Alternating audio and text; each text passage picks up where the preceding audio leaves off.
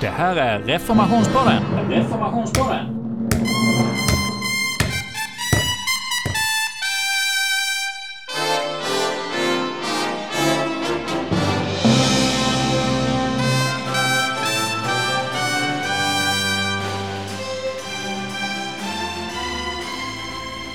Ja, ni är alla nu välkomna till vårt sista avsnitt av denna serie av åtta program i Reformationspodden, där vi idag har som tema Luthers mest kända texter. Och vår programledare är även idag Thomas Appelqvist, som fortsätter att samtala med flera av våra olika gäster som har varit med här i vår programserie.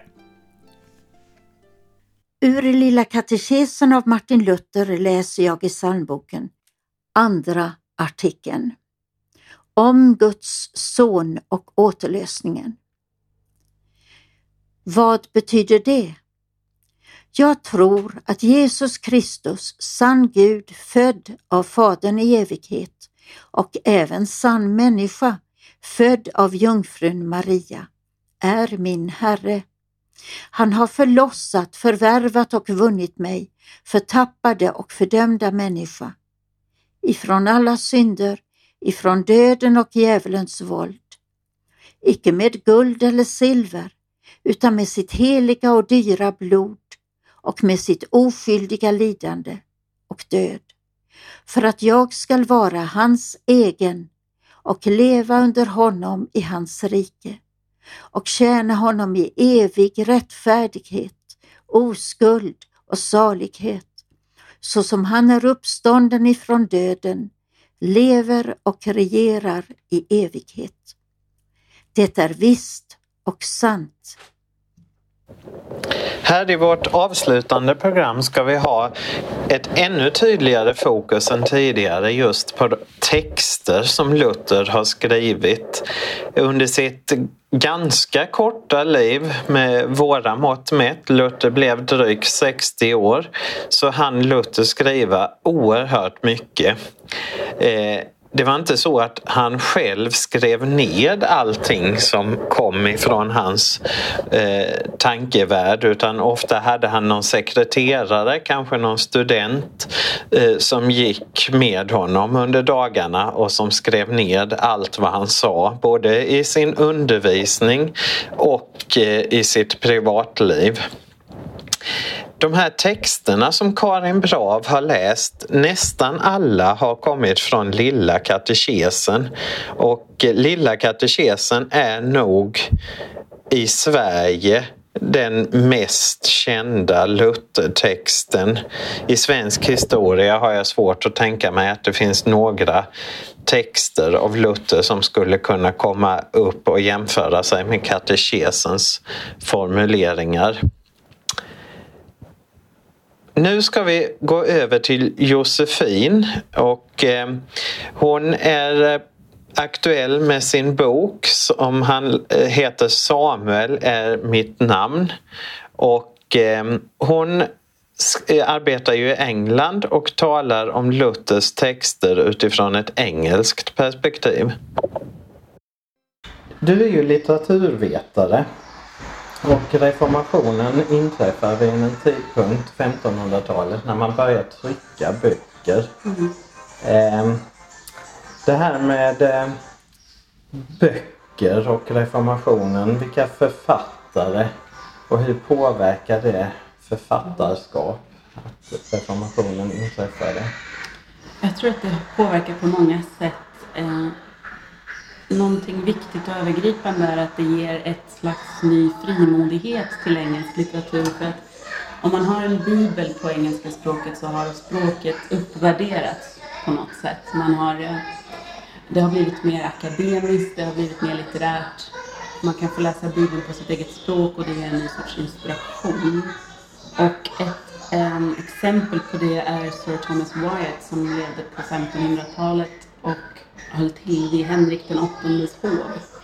Och han översatte psalmerna till engelska men gjorde väldigt personliga tolkningar av dem där han skrev in sig själv som David nästan för att han, eh, han kunde identifiera sig med Davids känsla av att vara i fara och att umgås med mäktiga män. Och eh, det blev nog allt vanligare att man började använda Bibeln på det sättet att man tog ett kreativt avstånd till det. När man hade engelska så hade man ett eh, nytt språk i och med översättningarna. Det engelska språket har påverkats otroligt mycket av de tidiga bibelöversättningarna. Mm. Mm. Och eh, kan man spåra ordval och så just i reformationen ja, och reformatoriskt tänkande? Ja, eh, en av de viktiga tidiga översättningarna var ju eh, Tyndales bibelöversättning. Jag är ganska förtjust i hans eh, bordssamtal, de här, när han säger så lite korta och koncisa saker. Ja. Eh, men det är väl mest indirekt jag kommit i kontakt med Luther. Och jag undrar hans, eh, vad ska man säga, han brottas verkligen med Gud. Ja. Eh, det är som Jakob och ängeln och, och ur det här sårbara så kommer de här insikterna som jag tror att Gud gav honom. När jag bodde i Oxford gick jag dagligen förbi ett kors av sten nedsänkt i gatan på Broad Street utanför Balliol College. Det markerar platsen där de tre biskoparna Hugh Latimer, Nicholas Ridley och Thomas Cranmer brändes på bål för sin övertygelse 1555. Viktorianerna reste så småningom ett ståtligt monument till deras ära ett par hundra meter bort. Men det enkla korset av sten har alltid betytt mer för mig. Nu firar vi minnet av reformationen, 500 år. För mig är det en tid för att säga tack till Gud. Tack för de 95 teserna. Tack för Bibeln på folkspråk. Tack för Sola Fide. Tack för återvändo till skriften. Tack för varje människas personliga förhållande till Gud. Tack för mod och sanning även när det kostar. Tack för mod och sanning när det kostar liv. Tack för viljan att inse att kyrkan ständigt behöver reformeras. Tack för längtan efter att predika ett rent och klart evangelium. Tack för de män du verkar igenom. Tack Herre för allt vad du gjort, gör och ska göra. Må vi alltid ha mod att följa dig. Nästa person är Leif Eriksson och eh, det här klippet kommer från en ganska specifik diskussion som jag har med Leif om eh, en person i Finland som heter Tuomo Mannerma. En eh, känd Lutherforskare som lyfter fram väldigt konkret att Kristus är verkligt närvarande i tron. En tanke som finns inom östlig, alltså ortodox kristendom eh, men som det finns spår av även i Luthers texter och särskilt i en text som eh, är en kommentar till Galaterbrevet mot det här katolska subjektiva tänkandet. Katolikerna menade ju då och använde Aristoteles terminologi att kärleken formar tron, att tron är bara en råmaterialet på samma sätt som marmorn är när man gör en skulptur. Men så kommer kärleken till och då blir det någonting. Och det här. Men sen menade Luther då att det är Kristus som formar tron och inte kärleken. Och i, och med det så är det ett evangelium då också det där att Kristus bor i, i, i ditt hjärta. Han är närvarande i själva tron. Och då menar Luther att om du skiljer din person från Kristus så då är du i lagen. Då är du i lagen, då är du utlämnad åt dig själv. Och han betonar också starkt det här att Kristus verkligen är närvarande, inte bara på ett symboliskt sätt utan verkligt. Dra paralleller till nattvardsläran och kritisera de här så kallade svärmarna som fantiserar att Kristus bor i oss bara andligt men i själva verket är i himlen. Där finns parallellen till nattvarden och det tycker jag är ganska intressant. Och det som han sen då också säger som visar att Luther uppfattar det här rätt är ju att då kan man ju börja fundera att, att är det så att när jag söker frälsningsvisshet nu ska jag försöka se om jag hittar Kristus i hjärtat. Den risken finns och, och, och den är verklig. Men då säger han ju att Kristus tronar i hjärtat. Han är där i mörkret. I mörkret. Och, och, och liksom grips i tron och inte i känslan och erfarenheten. Och det där tror jag att man ofta kanske inte riktigt sett och förstått när man har varit kritisk till det här Mannermas eh, framställning. Men, men, men tar man valutasedlar, Stora säger i Stora och är observant på helheten så skulle jag säga att det finns inte någon, någon risk där och då fattar man det rätt och då, då, då hålls, hålls lag och evangelium skilt. Ja. Det var Leif Eriksson. Eh, idag blir det lite boktips eh, som ni redan har märkt. Och jag kan nämna en bok som Leif Eriksson har skrivit som heter Jag tror, lär och bekänner. Eh, och den är utgiven av en förening i Finland som heter SLEF som Leif har arbetat i under lång tid. Och den här boken det är inte Leifs egna privata tankar utan den bygger till stor del på eh, text som Luther har skrivit, den stora eh, nattvardsbekännelsen som ibland också kallas för Luthers teologiska testamente. Så den boken kan jag varmt rekommendera. Jag tror, lär och bekänner. Det var Leif. Vi ska gå vidare och lyssna på eh, Eva-Lotta Grantén och även i hennes fall så har jag en boktitel, den som Eva-Lotta och jag har pratat om i några klipp. Hennes bok heter Utanför paradiset. Arvsynsläran i nutida luthersk teologi och etik. Vilka Luthertexter är det huvudsakligen som du har arbetat med? Ja, om man ska läsa om Luther och arvssynden, det, det är väldigt spännande att läsa till exempel i Stora katekesen så skriver han ett ganska långt avsnitt om detta. Ja. ja. Eh, och man kan också läsa hans texter där om dopet.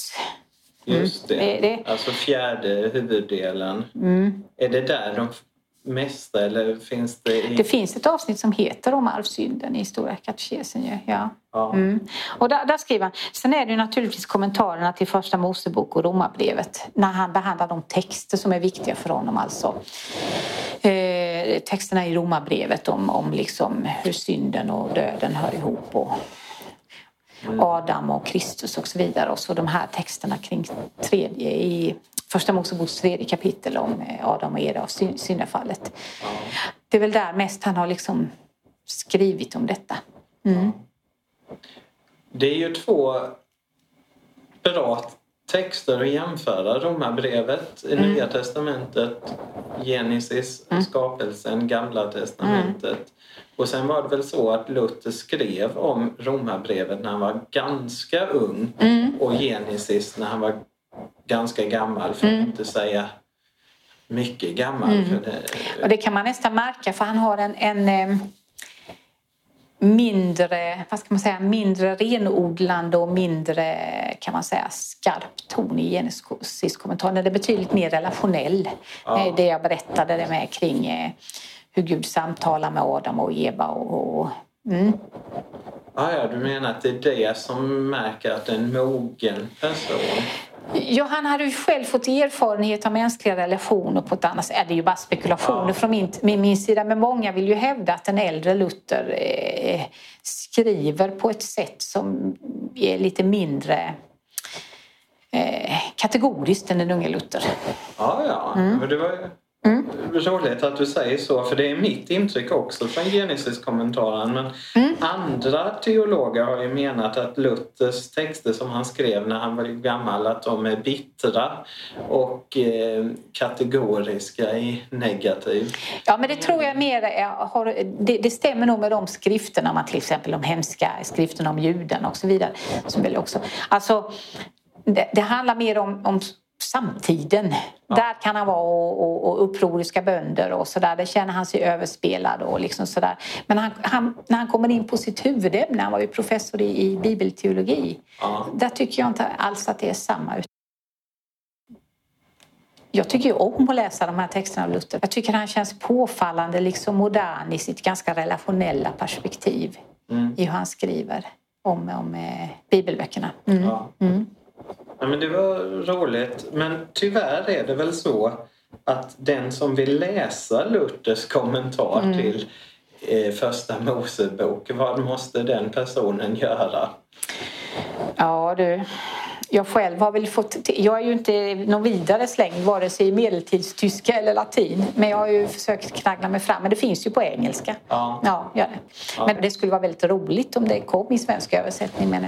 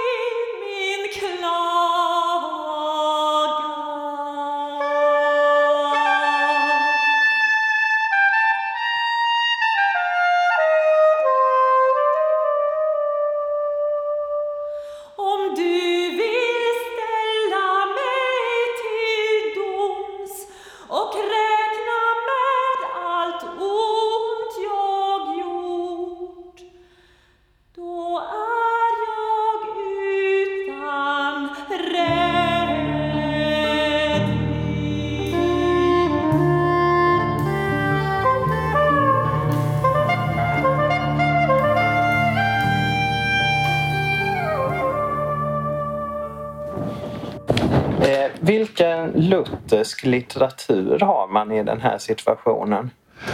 Jo, alltså man har ju försökt att översätta Luthers lilla katekes och Luthers stora katekes. Och eh, när, jag tror det var Simon Röstin som översatte eh, Luthers stora katekes, då skrev man inte att den var skriven av Luther utan man skrev att den var skriven av en tysk gudsman för att man skulle kunna ge den till ortodoxa präster så att de skulle kunna läsa igenom den och avge sitt omdöme. Och det blev då faktiskt i regel rätt positivt mm. när de gjorde det. Sen översatte man givetvis de lutherska psalmerna och eh, väckelsesångerna från Sions toner Eh, och en del amerikanska väckelsesånger som finns i Sionstoner. De översattes och Simon Westin var den skickligaste översättaren, har det sagts mig, att översätta dessa sånger till bra amhariska. Mm. Eh, bekännelseskrifterna, man eh, håller på den augsburgska bekännelsen den stora och lilla katekesen och de tre allmänkyrkliga trosbekännelserna. Det är eh, det man har valt ut ur svenska ur bekännelseskrifterna som förpliktande för Mekanesekyrkan. Eh, och det innebär att eh, den fördjupande utläggningen i Concordie-formeln om typ rättfärdiggörelse och dess förhållande till helgelse och så vidare. Eh, det undervisar man givetvis i på prästseminariet. Och man har haft en väldigt bra kurs i eh, bekännelseskrifterna skrivet av en norsk teolog. Eh, så att de där har egentligen fått en mycket bättre undervisning än svenska präster vid fakulteterna Lund och Uppsala har fått om vad luthersk teologi går ut på, hur den ska användas och hur den ska praktiseras. När du läser lutherska texter, är det så att du liksom hittar rader eh, och kan hitta de raderna i stort sett i varenda skrift hos Luther eller har du några specifika skrifter som du säger att den här kan man verkligen läsa från början till slut? Ja, alltså, eh, jag höll på att säga hela internet är ju fullt av citat från Luther eller påhittade till honom. Ja, jag tycker nog bättre om att närma mig Luther utifrån, utifrån hela skriften så att allting kommer i sin kontext. Naturligtvis så finns det den här de här liksom citaten eller meningarna som återkommer om och om igen som har en tydlig luthersk dialekt. Eh, jag skulle säga att det som jag sätter i handen på människor som säger okej, okay, jag har inte läst Luther, hur får jag grepp om? så är det ju faktiskt en av de mest klassiska primära skrifterna om en kristen människas frihet. Den är kort, den är direkt och du får ett ganska bra grepp. Sen menar jag att en av de absoluta skatterna, det är ju hans Galaterbrevs kommentar. Och orkar man inte ta sig an de stora kommentarerna eller utläggningarna, även Saltaren som eh, finns mycket fantastiskt, så kan man ju bara ta eh, Luthers företal till de olika bibelböckerna. Det är ju guldgruvor, som till exempel företalet i Romarbrevet. Det är nog ett sånt som jag bara återkommer till om och om och om och om igen. Eh, hans beskrivning till exempel i inledningen där om tro och gärningar och deras förhållande till varandra tycker jag är helt briljant. Det tycker jag borde lösa upp knuten för alla de som har ont i magen över Luthers eh, förhållande till gärningar. Då tänker jag bara öppna ögonen, läs och njut, ös av dessa källor. Sen är jag också förtjust över eh, Stora katekesen. Framförallt hans utläggning av första budet menar jag är kanske något av det mest relevanta profetiska tilltalet till nutidsmänniskan. Att hur vi eh, också en ingång till den här skuldafrågan. För att många kan ju då tala om att ah, den moderna eller postmoderna människan eh, förstår inte det här begreppet med skuld och liksom att finna en nådig Gud. Men då har jag sett det som väldigt fruktbart att börja tala om vad är din Gud? För det är mycket det Luther eh, utvecklar i där och jag tycker att den texten den håller än idag, 500 år senare, så skärskådar han människans hjärta på ett briljant sätt. Alla har vi någonting som vi förtröstar på, som vi sätter vårt hopp till, som vi väntar vår trygghet ifrån, som vi väntar vår glädje ifrån. Vad är det? Det är din Gud. Jag tänkte just när jag hör dig lyfta upp på ett sätt ganska svåra texter ändå, alltså verkligen genomteologiserade texter. Eh, vad, vad, säger folk som du ger de här litteraturtipsen? Eh, vad är de stora eh, utmaningarna när man sätter sig och man antingen inte har någon kristen bakgrund alls eller har en frikyrklig bakgrund och inte är riktigt van vid den här tematiken? Ja, alltså eh, i, i ärlighetens namn så, så vet jag inte hur många som har liksom börjat, det, nu snackar vi nog mest förkunnare och folk som är vana vid att läsa och, och ha Bibeln som hantverk om vi talar om till exempel Galaterbrevets kommentaren. Det är ju liksom lite grann att tugga i, precis som du säger. Eh, däremot Lilla katekesen och Om en kristen människas frihet tycker jag den, den träffar faktiskt rätt bra. Och sen återigen eh, så vill jag nämna mina tre portalfigurer in till det reformatoriska som hjälpt mig. Det finns många andra. Förutom Luther då, två svenska, så är det Rosenius skrifter och Bo Giertz skrifter.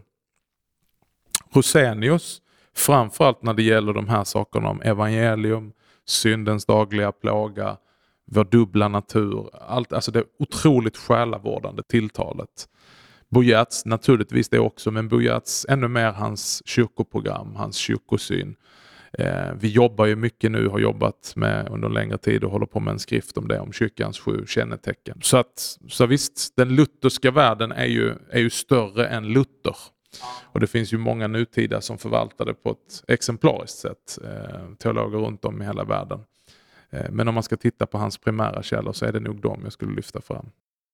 Det som griper mig ju mer jag läser Luther, det som jag kanske till en början först bara kände och upplevde men inte reflekterade över. Men som jag nu ser när jag nog måste kalla mig för en ganska flitig Lutherstudent. Det är ju, alltså Luther är mer än någonting annat än själavårdare. Vissa systematiska teologer som jag möter, de tycker det är bökigt med Luther. Liksom. Det finns ju ingen ordning och reda någonstans. Ingen systematik.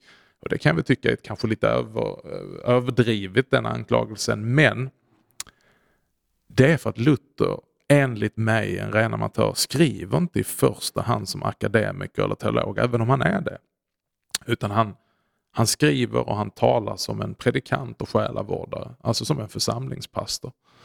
Och det tycker jag är så tydligt genomgående. Jag tänkte på det, inte minst nu när vi har jobbat med, med kyrkans sju kännetecken Ja, vem skriver han det för? Ja, det, han utgår inte från liksom, någon form av gäng biskopar som ska kontrollera om kyrkorna håller måttet, utan han börjar med att säga att en stackars förtvivlad, förvirrad själ, en vanlig människa, om han undrar var finns Kristi sanna kyrka?